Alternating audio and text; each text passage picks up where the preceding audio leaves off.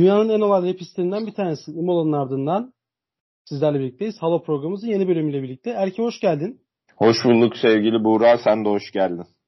Hoş bulduk. Ben de hoş buldum. Şimdi neden olaylı diye girdim. Şunu e, hemen bilgisini vermek istiyorum. Belki hatırlayan ne olacaktır. Hatırlamayanlar için söyleyeceğim.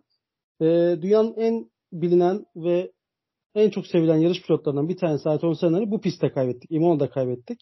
Hatta bir hafta sonunda üst üste iki pilot kaybedildi. Öncelikle cumartesi Ratsberger ardından pazar günü yarışta da Ayrton Senna'yı kaybettik. O yüzden olaylı dedim bu yarış için. Hatta bu yarışta bir nebze olsun olaylı oldu. Evet birinin e, hayatına mal olmadı ancak Ferrari'nin evinde Red Bull'un egomonyasını sürdüğü ve gövde gösterisi yaptığı bir pistti, bir yarış haline geldi.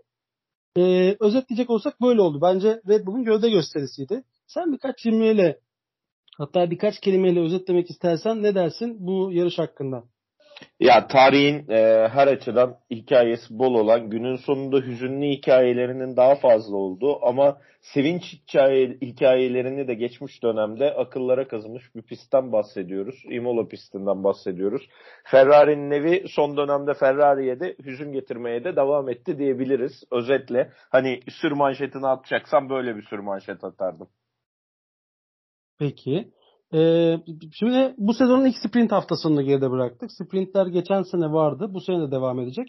Bu sene biraz daha akla mantığa uyar şekilde açıklamalar yapıldı ve sprint yarışı adlandırıldı.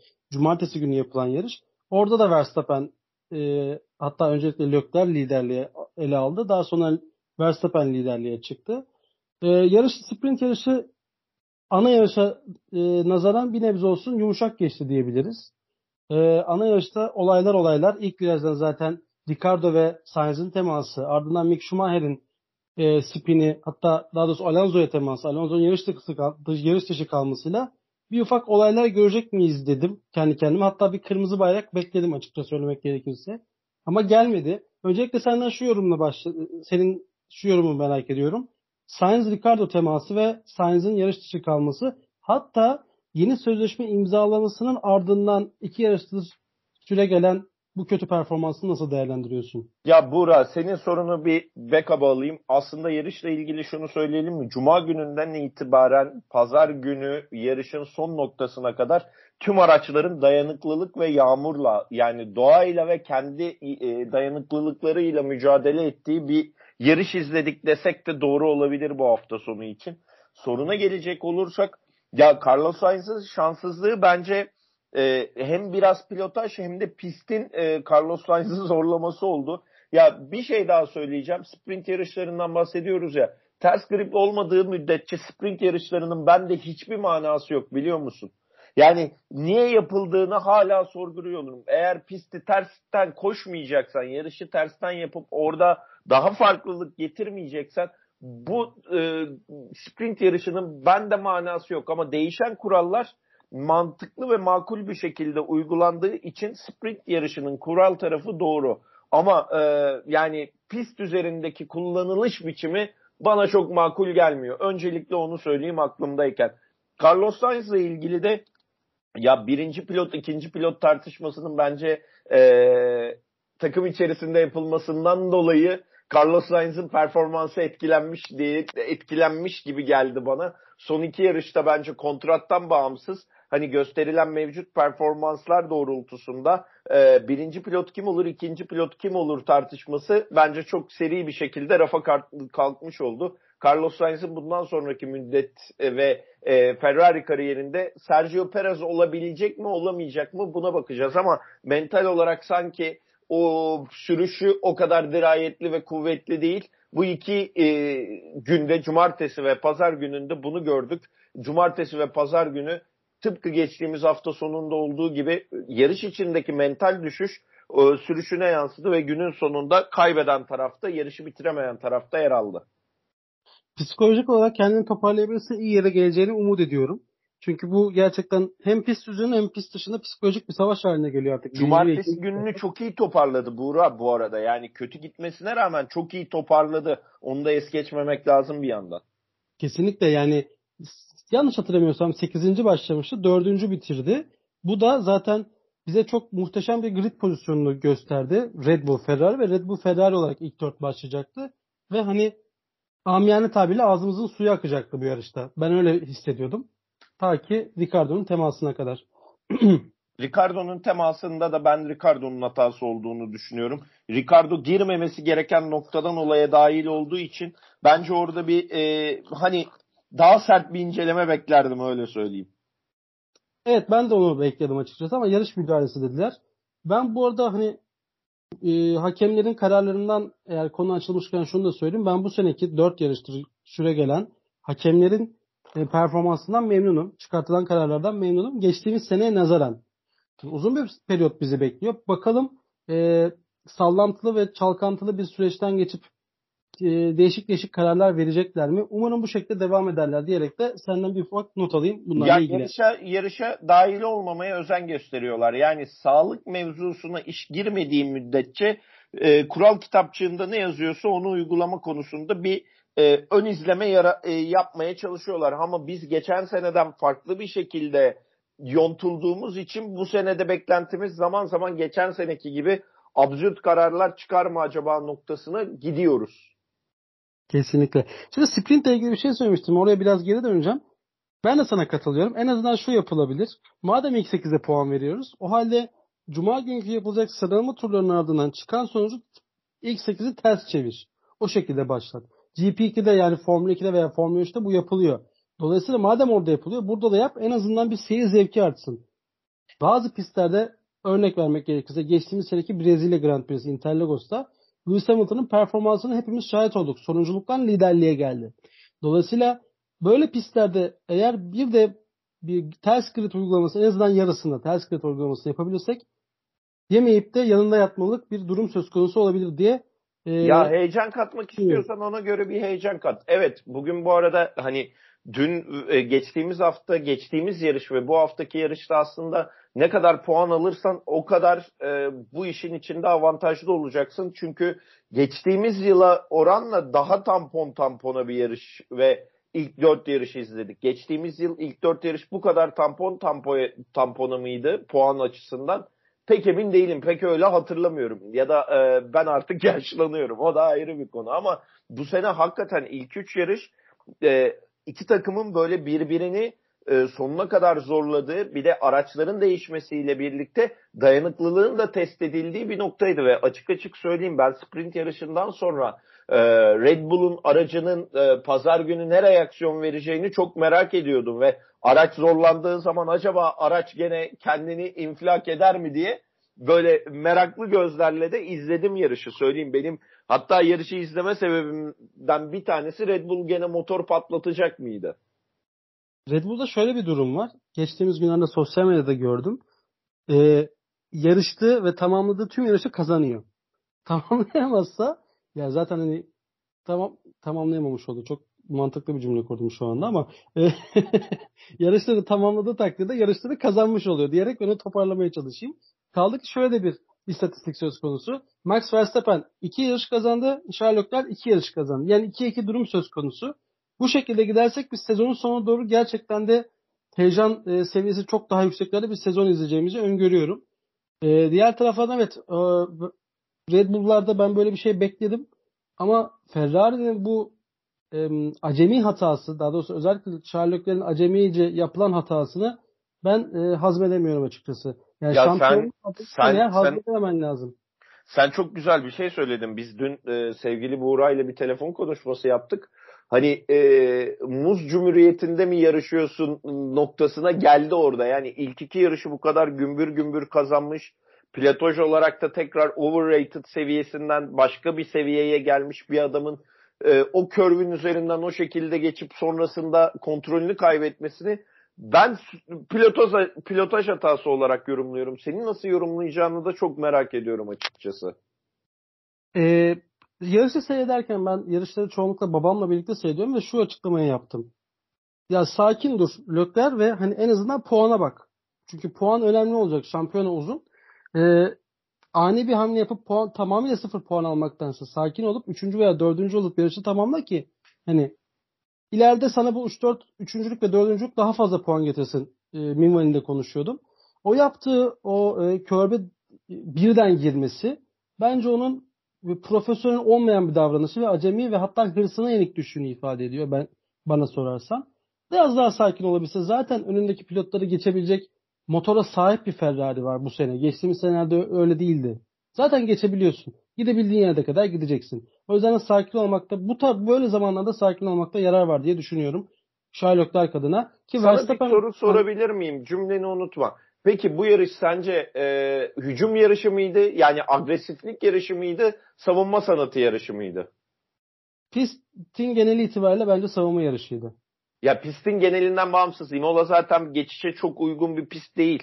Ki araçlar e, geçtiğimiz yıllara oranla e, size olarak çok değişkenliğe uğradığı için Imola'nın geçiş şartlarını ayrıca tartışırız ama bu, bu yarış özelinde savunma yapan pilotların, savunma tarafı güçlü olan pilotların başarılı olduğu bir pist miydi sence? Bence evet. Yani hücumdan çok fazla bir şey bekleyemezsin. Hücumu e, eğer savunması kuvvetli bir kişiye karşı hücum yapıyorsan geçmen imkansız. Hemen örnek verelim. Lewis Hamilton, Pierre Gasly. E, Pierre Gasly'nin sağlam savunmasına karşı Lewis Hamilton gerçekten güçlü bir hücum gerçekleştiremediği için e, rüyasında Pierre Gasly'nin arka kanadını görüyor hale gelmiştir bence. Olabilir. Olay güzel. Ama zaten Lewis Hamilton'a ayrı parantez açarız. Oraya girmeyeceğim. Sadece şunu söyleyeyim. E, bence Imola'da herkes gene yunuslanmadan dolayı yani düzlüklerdeki yunuslanmadan dolayı çok şikayetçidir diye düşünüyorum. Hani Red Bull dahil ki Red Bull yarışı kazanan tarafta olmasına rağmen ve işin savunma tarafını e, konuşmuşken hani Kevin Magnussen e, bu yarışı gerçekten hani e, Çin Seddi'nde yapmış gibi herkesi savunmakla geçti ömrü. Onu da not olarak ekleyeyim. Yani 3 arabayı yani 3 e, üç arabayı mı savundu? 4 arabayı mı? Bir e, tabii 3 kere savunma yapmak zorunda kaldı. İkisinde iki aracı birden savundu arkasında falan yani. Öyle bir yarıştı Magnussen için bu arada. Yine e, savunmadan bahsedeceksek Perez'i es geçmemek olmaz. Ya Perez, Perez hani, arkasında Perez ama doğal değil mi ya? Bura. Perez hayatımızın doğal seleksiyonu değil mi?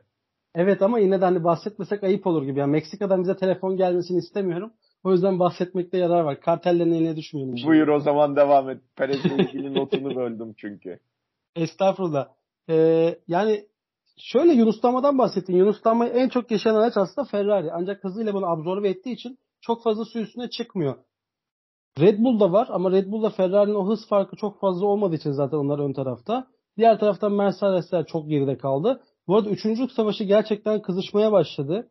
Mercedes'te Russell'ın puan alması, McLaren'in puan alması Norris'le birlikte Aston Martin'e Vettel'in ve Stroll'ün puan getirmesi bunlar zaten bence yarışın hani Vettel'in puan getirmesi bence bu yarışın en büyük olaylarından bir tanesiydi.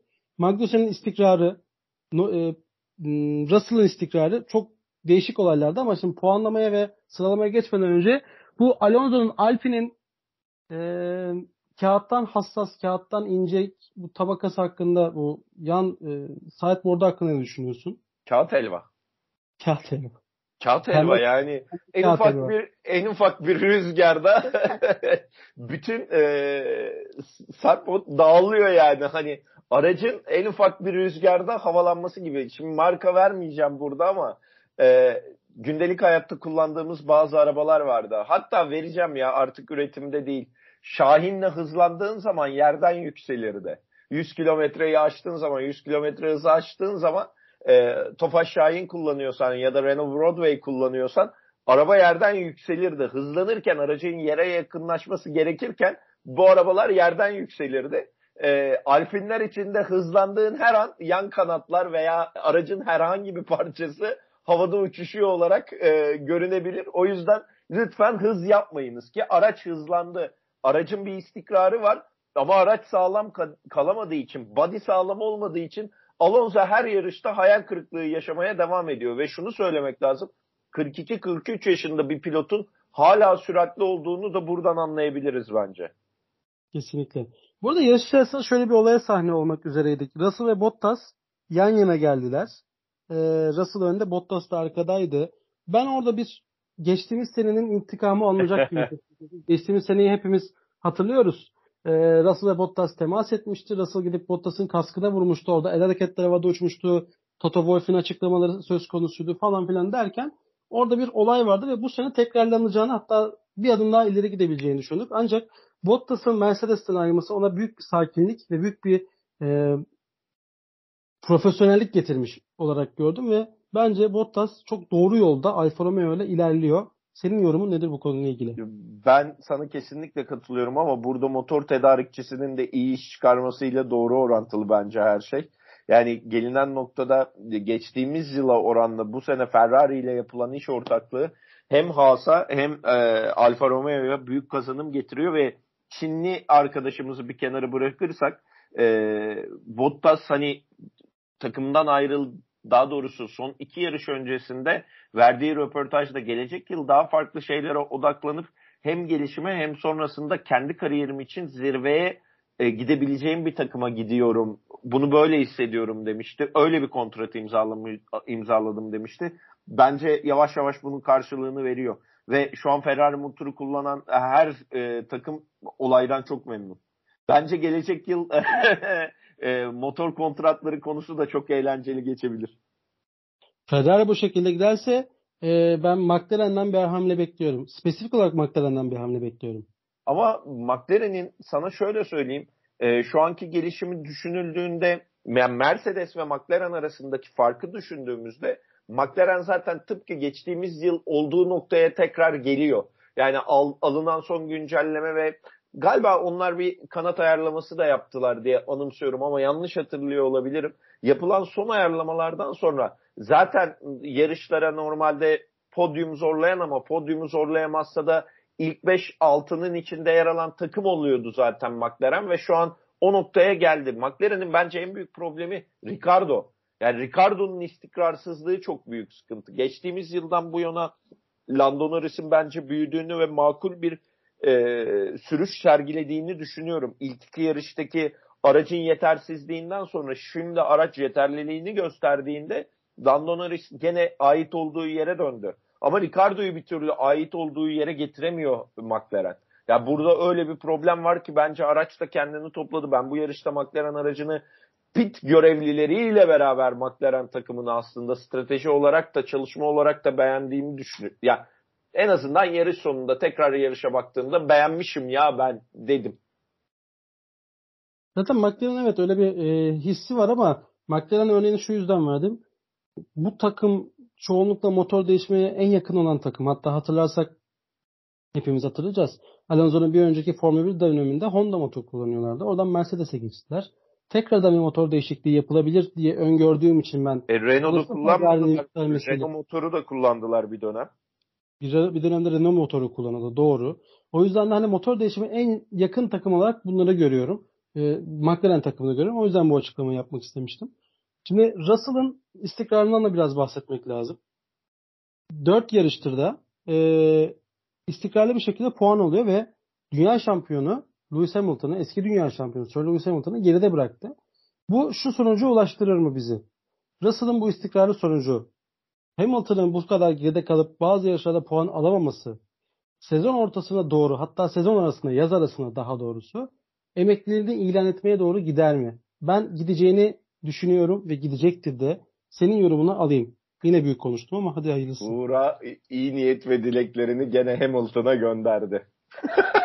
ya ben yani bunu şöyle... zaten programın daha başında bunun gelmesini bekliyordum sevgili e, bizi takip eden e, dostlar. Ama e, sevgili Buğra kardeşim araya kaynattı bu konuyu. Dünden beri ağzında bu var. Yani Hamilton sezon ortası emeklilik açıklayacak. Sir Lewis Hamilton böyle bir yenilgiyi kaldıramaz. Sir Lewis Hamilton bu sezon ortasında Mercedes'i bırakıp emekli olacak diye diye diye bu bir şeyi 40 kere söylersen olurmuş. Sen bunu gerçekleştirmek istiyorsun. Şimdi bana doğruyu söyle. Şimdi e, Hamilton evet. severlerden linç yemek istemiyorum. Bu bir. İkinci olarak da Hamilton gibi güçlü bir karakterin psikolojik olarak bu kadar geride kalmaya alışamayacağını öngördüğüm için bunu söylüyorum. Yoksa Hamilton yarışsın niye yarışmasın? Yani yarışmasında hiçbir beis yok. Kaldı ki ben kimim ki Hamilton sen yarışma şu gelse bu gelsin diyebilecek güçte kuvvetli biri değilim ama şimdi Hamilton kadar psikolojik kuvvetli bir bireyin her yerde var olan bir insanın böyle yenilgileri hazmedebileceğini düşündüğüm için de kaldı ki çok ağır bir yenilgi bir, bir olay yaşadı bu yarışta. Ee, geçtiğimiz sezon şampiyonluk yolunda mücadele etti ve puan puana gitti. Hatta son turda şampiyonluğu kaybetti. Max Verstappen bu yarışta Imola'da ona tur bindirdi. Bu açıdan baktığın zaman çok ağır bir yenilgi. Ben bunu yani bunların gelip geçici olduğunu düşünüyorum. Günün sonunda her şampiyon bir düşüş yaşayacaktır. Her zaman zirvede kalamazsın. Ama e, bundan sonraki süreci geliştirici olarak da devam ettirebilirsin. İşte önümüzde bir Vettel örneği var. Yani e, Hamilton illa başarısız oldum diye bu işi bırakacak mıdır? Zannetmiyorum. Araç yetersiz. E, geçtiğimiz yıldan çok ciddi bir mental düşüş yaşadı ama her düşüşün bir çıkışı olur. Çıkışı olmadığı zaman da tamamlayıcı parça oluyorsun bu sporda. Yani birçok Kimi Raikkonen mesela gene tamamlayıcı parçaydı. Şimdi Alonso tamamlayıcı parça mı yoksa birinci pilot mu ayrı bir tartışma konusu ama dünya şampiyonları öyle kolay kolay bu sahneden çekilmez. E, çekildikleri anda da geri dönmek için zaten tekrar bir adım atıyorlar. O yüzden ben Lewis Hamilton'ın bu sezon zaten araçların tamamı prototip. Yani ben bu sezon böyle Mercedes'in çok ciddi hedefleri olduğunu düşünmüyorum.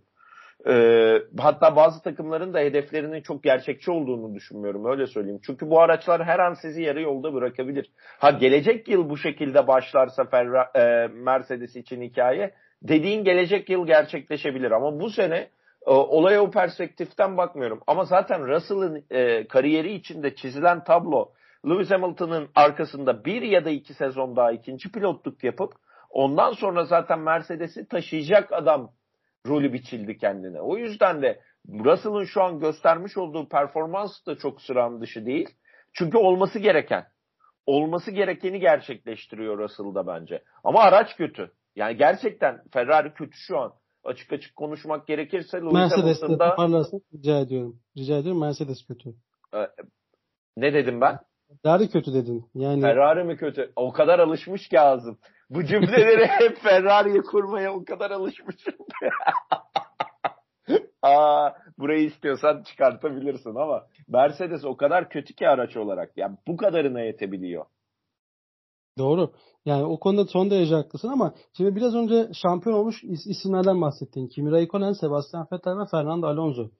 Bu üç tane karakterin en fazla toplu top, toplam şampiyonluğu 5. Lewis Hamilton'dan yine az.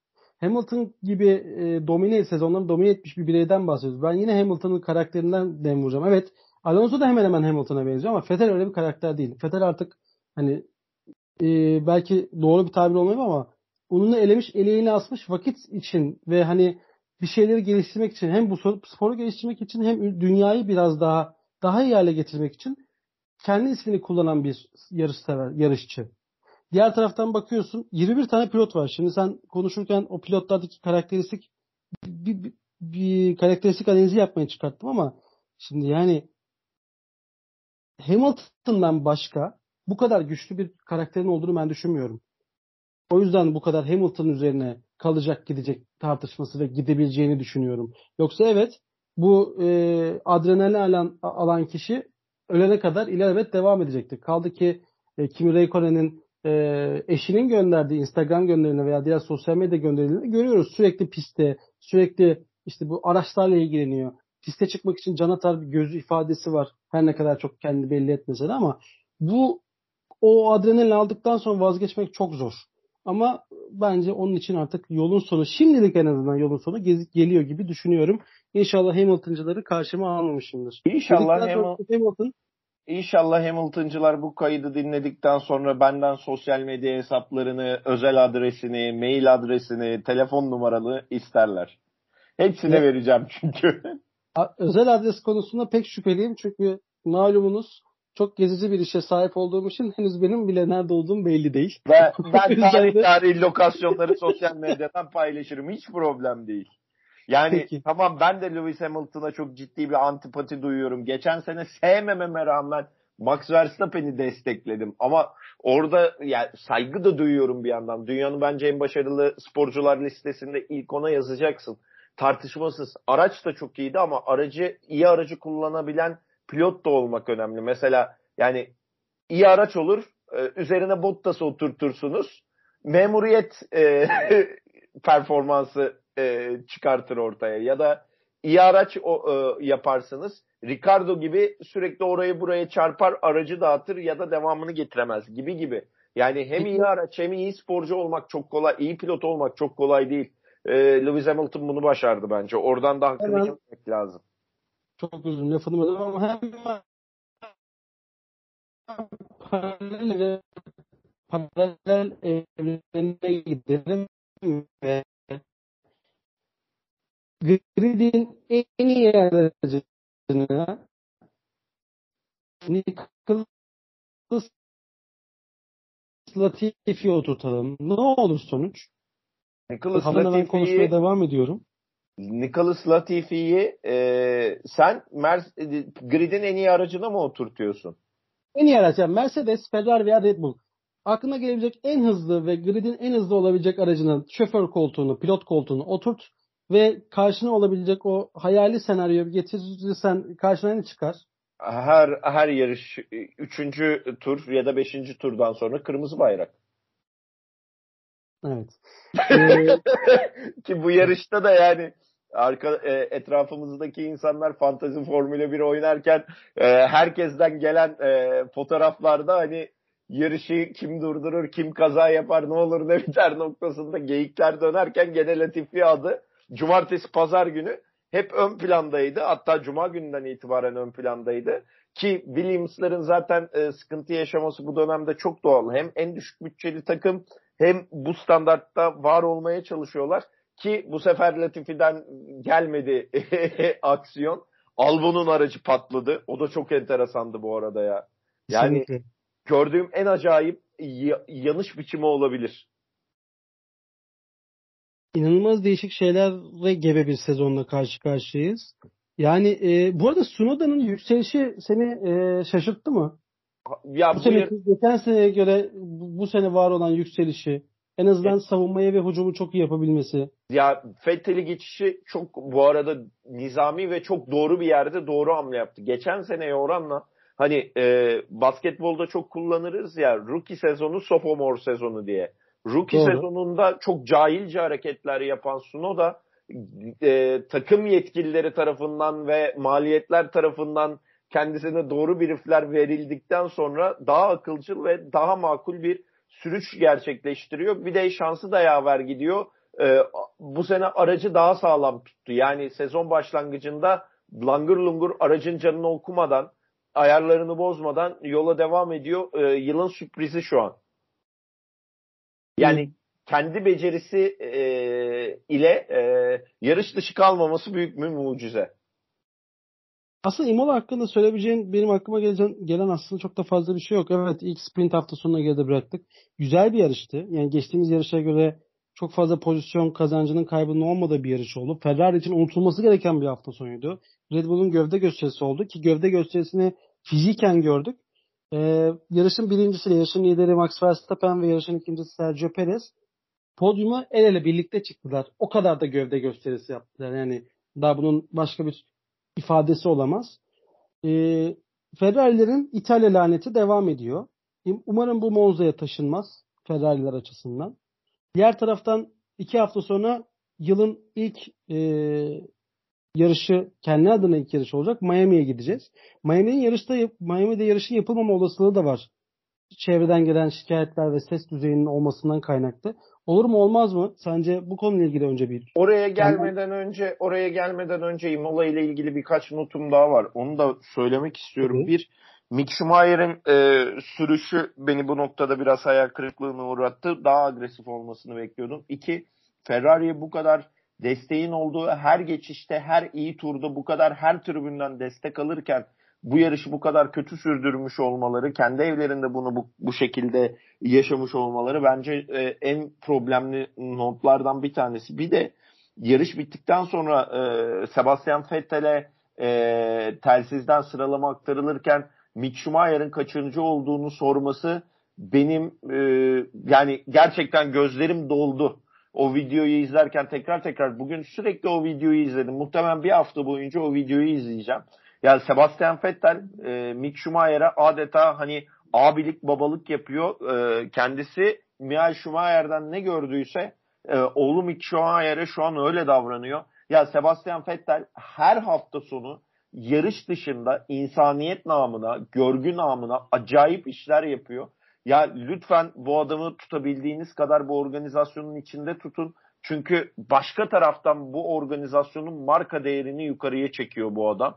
Yani hakikaten iyi ki var. Bu haftada puan alması zaten hepimizi çok mutlu etti. İnsanlara çok abartı geliyor. Bunlar olması gereken şeyler gibi geliyor ama o kadar uzun süredir insanların birbirine karşı nefreti, ego baskısı var ki böyle bir şey gördüğün zaman yani e, başka bir noktaya gidiyorsun, başka şeyler hissediyorsun. İyi ki varsın tekrar Sebastian Vettel. İyi ki bu sporun içerisinde o mental çöküşten farklı bir noktaya evrildim ve şu an yani e, hani o video hep dönüyor ya viral video. Yeri geliyor e, dedektif, yeri geliyor mekaniker, yeni yeri geliyor pilot, yeri geliyor sağlıkçı, yeri geliyor işte pist görevlisi gibi yangın söndürüyor. Gerçekten acayip bir adam ya ve e, şöyle söyleyeyim bundan 5 sene sonra ki biz bunu seninle daha önce de konuşmuştuk diye hatırlıyorum. Yani e, mutlak surette Sebastian Vettel'i takım patronu yapın. Yani zaten bu adam eğitime, e, kendini de eğitmeye çok değer veriyor. Abi zaten bu yarışın içinden gelen adamların, pilotların üçte ikisi de zaten mühendis. Abi bu adamı aklınız varsa takım patronu yaparsınız. Ve e, takım patronluğu müessesesi de çok farklı bir noktaya gidebilir bu adamdan sonra diye düşünüyorum. Niye bu kadar daha sezonun dördüncü yarışından bunu söyledim? Abi ya oturup da Mick Schumacher kaçıncı oldu diye e, pit duvarına sormazsın. Yani e, ya da başka bir pilotu, genç bir pilotu, yaşlı bir pilot bugüne kadar sordu mu ben hatırlamıyorum. Hatırlayan varsa da bizim sosyal medya hesaplarımıza yazsınlar.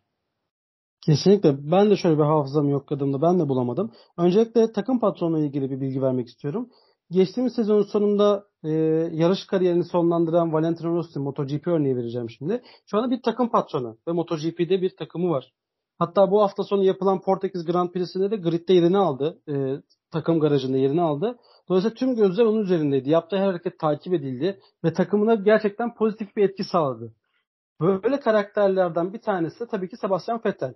Dört tekerlekli yarışlarda yani bu Formula 1 üzerinden bahsedersek Sebastian Vettel'in ileriki yıllarda takım patronu olması demek hem bu yarış severlerin daha çok takip etmesi özellikle o takımın taraftarı olmalarını sağlayacaktır. Aynı zamanda kendi yarışlarını takımda yarışan pilotlara bir mentorluk sağlayacaktır. Dolayısıyla da seyir zevki yüksek ve centilmenlik e, içerisinde iki pilotu da e, camiaya kazanmış olacaktır diyeceğim. Son olarak da Vettel'le ilgili şu örneği vereyim. Hafta bu hafta sonu Imola'da e, taraftarlara imza dağıtırken elindeki şemsiyeyi geri bıraktı. Sebebi de şuydu. E, o video belki de sizin gözünüz önüne gelmiştir. Belki erke, sevgili herkes sen de görmüşsündür. Taraftarların elinde şemsiye olmadığı için kendisi de ıslanmayı göze alarak onlarla e, aynı iletişim kurabilmek adına şemsiye elinden fırlattı. Ve bu da ne kadar çok insaniyete ve insanlığa ihtiyacımız olduğunu gösterir nitelikte bir e, videoydu diyerek Sebastian Fittel, Fittel güzellemelerini bir kenara bırakabiliriz istersen. Sebastian Fittel'i bir kenara bırakalım. Miami ile ilgili de ya e, ekonomi bu kadar büyükken, para bu kadar dönüyorken kimse e, desibel problemini e, yarış iptal sebebi yapmaz. bu Suudi Arabistan 2 yani, diyebilir mi? Efendim? Suudi Arabistan 2 diyebilir miyiz? Lafı ağzımdan aldın. Yani bu sezon Suudi Arabistan'da o yarış yapıldıysa arkadaşlar boşu boşuna gündem ve e, polemik yaratmayın. Yani Formula 1 bir yerde o yarışı yapmak istiyorsa yapar ve e, parasını kazanır. Size de parayı kazandırır. O yüzden siz onu bir geçeceksiniz. Çok basit yani. Peki Miami hakkındaki bir düşüncen var mı? Yani nasıl bir yarış bizi bekliyor sence? İlk sezonki Suudi Arabistan e, ilk Suudi Arabistan yarışındaki gibi bilgisayar verilerine bakıp hayatımıza devam edeceğiz. Bugün bugün itibariyle konuşmak yani bana garip geliyor açıkçası. Sadece pistle ilgili hani e, çizilen edilen notlar var. O çizilen edilen notlarda sadece süratli bir pist olacak görüntü itibariyle. Süratli bir pist izleyeceğiz çizilen grafik ve hani hepimizin gördüğü grafikle yola devam edecek olursak herhalde o e, 11. virajla başlayıp 16. virajda biten o virajlar bölümü e, pilotları muhtemelen çok zorlayacak. Bir de 16'dan 17'ye geçerken ki o uzun düzlük baya bir e, geçiş izlettirir bize. E, eski tip bir yarış olur. Onun dışında yani e, dediğim gibi hani e, Formula 1 oyununu oynayanlar ve bu, bu oyunda bu pisti deneyimleyenler varsa buyursun simülatörde ya da oynayanlar buyursun beri gelsin bize pisti anlatsın diyebileceğim tek şey bu sevgili e, Buğra. Yani Formula 1 risk almayı yeni e, pistlerde yarış düzenlemeyi çok seviyor. Tek tek dileğim yani e, o viraj çıkışları ve girişleri biraz olsun genişletilmiş ve keyiflidir diye düşünüyorum. Yani e, çok sıfır geçmeyiz diye düşünüyorum. Ben de yine büyük konuşarak ve yine yanılmak isteyerek şu ifadeyi kullanmak istiyorum. Ee, sıkıcı bir yarış bizi bekleyecek. Sıkıcı bir yarış mı bekliyorsun? Sıkıcı yarış bekliyorum ben. Yani belki bir maksimum iki güvenlik aracı görürüz. O da yakın bir pist ve çoğu pilotun pisti tanımadığı, tanımadığını öngörerek ki zaten herkes simülasyondan e, piste çıkacak. Dolayısıyla orada bir ne bileyim ufak bir bariyer teması olur. Başka temaslar olur. Onun üzerine bir güvenlik aracı görürüz ama çok fazla pist üstü geçişlere hakim ve sahne olamayacak bir yarış bizi bekliyor gibi düşünüyorum. Bir sonraki hafta yapılacak Katalonya Grand Prix'si gibi ki hepimiz biliyoruz ki İspanya Katalonya'da çok fazla geçiş olmuyor. Aynen öyle. Aynen öyle. Doğru diyorsun. Doğru diyorsun. Peki Miami e, Imola'yı kapatalım mı? Ekstra eklemek istediğim bir şey var mı? Yo aklıma başka bir şey gelmiyor dediğim gibi. Ee, onun dışında hani ya pistin hala işte en son sosyal medyada şey çıktı ya e, işte e, hava kirliliğini arttıracak, trafik e, krizi çıkartacak, ayrıca işte desibel problemi falan var. Ya bunlar bir şekilde e, para her şeyi çözer bu hayatta. Hele konu Formula 1 ise e, Amerika Birleşik Devletleri ne kadar özlü, özgürlükçü bir ülke olursa olsun para tüm özgürlükleri satın alabilir bu e, yaşam koşulları içerisinde. Yani bu sadece Her şey Benjamin Franklin'e bakıyor. Aynen. Ya Benjamin Franklin'e bakar, Kraliçe'ye bakar. Ee, konu konu konu bu hayatta artık her konuda yani her konu artık parayla bağdaşlaşmış durumda. O yüzden paranın olduğu ve bu kadar büyük ekonominin olduğu yerde e, kimse bana özgürlükten bahsetmesin. Dediğim gibi Suudi Arabistan'ı izledik yani daha ötesi yok. Beş büyük aile kesin müdahale eder o zaman buraya. Herkesin bildiği bu beş büyük aile var onlar, ya. Onlar onlar üç büyük değil miydi ya? Rockefeller şey e, neydi? Abi üç büyükler futbolu değil miydi ya? Of neyse dur onlar, başka onlar yere gidiyoruz. Üç büyük aile değil miydi? Beş büyük aile miydi? Valla bir, bir büyükler ama hayırlısı olsun. Kaç yani olduğunu senden benden büyükler onu biliyoruz yani hani hani affedersin ama yani e, nasıl diyeyim e, bizim hani açlıkla bakacağımız meblalara onlar burunlarını bile silmiyor olabilirler yani hani öyle söyleyeyim. Doğru. Doğru. Yani büyüklük skalasına çok fazla girmeyelim. İmola'yı neye kapattık. Göre, neye göre büyük, neye göre küçük. Bu dünya bak, bu da dünyanın en büyük tartışma konusu. Neye göre büyük, neye göre küçük. Özgürlük gibi. Para her şeyi satın alır mı, alamaz mı? Hani yani. şey geyiği var ya, para aşkı satın alır mı, al, alamaz mı? Para her şeyi satın alır. Yani e, felsefeye şu anda. Ve yani Buğra... Imola'dan sonra felsefeye geçmek çok ağır geldi bana. Niye canım yani Imola'da bu arada Formula 1'in en hüzünlü ve üzerine felsefe üretebileceğin, görüş, düşünce üretebileceğin e, pisti. Yaşanmışlığı çok fazla olan bir pist. Yani Sherlock'lerin e, Ferrari'ye geldiğinde yarış kazandığı e, ilk bir yarış kazandığı pist e, İtalya değil mi? Sanırım öyle. Bu arada pistle ilgili bir hemen bilgi vereceğim. Konuyu çok değiştirmiş gibi olmayacağım ama pistin bazı virajlarında hemen pist sınırlarının dışarısında apartmanlar vardı ve insanlar apartman balkonlarından e, çatılardan e, yarışı takip etti. Bu sana da şeyi andırdı mı? Andırdı mı? Anadolu takımlarının hemen stat tiplerindeki insanların Türkiye Kupası maçlarını takip etmesi gibi veya lig maçlarını takip etmesi gibi bir izlenim el, e, elde etti. Yani gösterdi mi sana? Ya Imola pistinde bu görüntüye çok alışkınız. Sadece iki senedir pandemi olduğu için hayatımızda bazı enstantaneleri ve kareleri unutuyoruz. Şimdi İtalyanlar medeni olduğu için vinç kiralayıp maçı izlemiyorlar. O yüzden Zira Türkiye Kupası havasını yakalayamadım ben yarışta pek. Vinç kiralayıp maçı vinç üzerinden izleyen bir vatandaş görseydik İtalyan vatandaş o zaman bu dediğin gerçekten e, bünyede hissedilirdi. Ama o da kesin Türk çıkardı zaten. İşte buradan linç yeriz bence bak. Güzel. Güzel. Yani e, linç yemiyoruz. Biz birbirimizi tanıyoruz. Yani az çok yani artık vatandaşlarımızın ve bir, kendi, birbirimizin ne yapacağını bildiğimiz için bence hani onu yapacak kişi de Türk'tür diye tahmin ediyorum. Dedikten sonra Imola defterini kapattık. Miami ile ilgili ufak şöyle bir ucundan kıyısından döndük. Halo programının dördüncü bölümünü de kapatmak üzereyiz. Sevgili Erke eklemek istediğim bir şey var mı? Yani eklemek istediğim şey umarım Miami'de e, Halo'nun varoluş sebebinden dolayı insanların canı yanmaz, kimse üzülmez.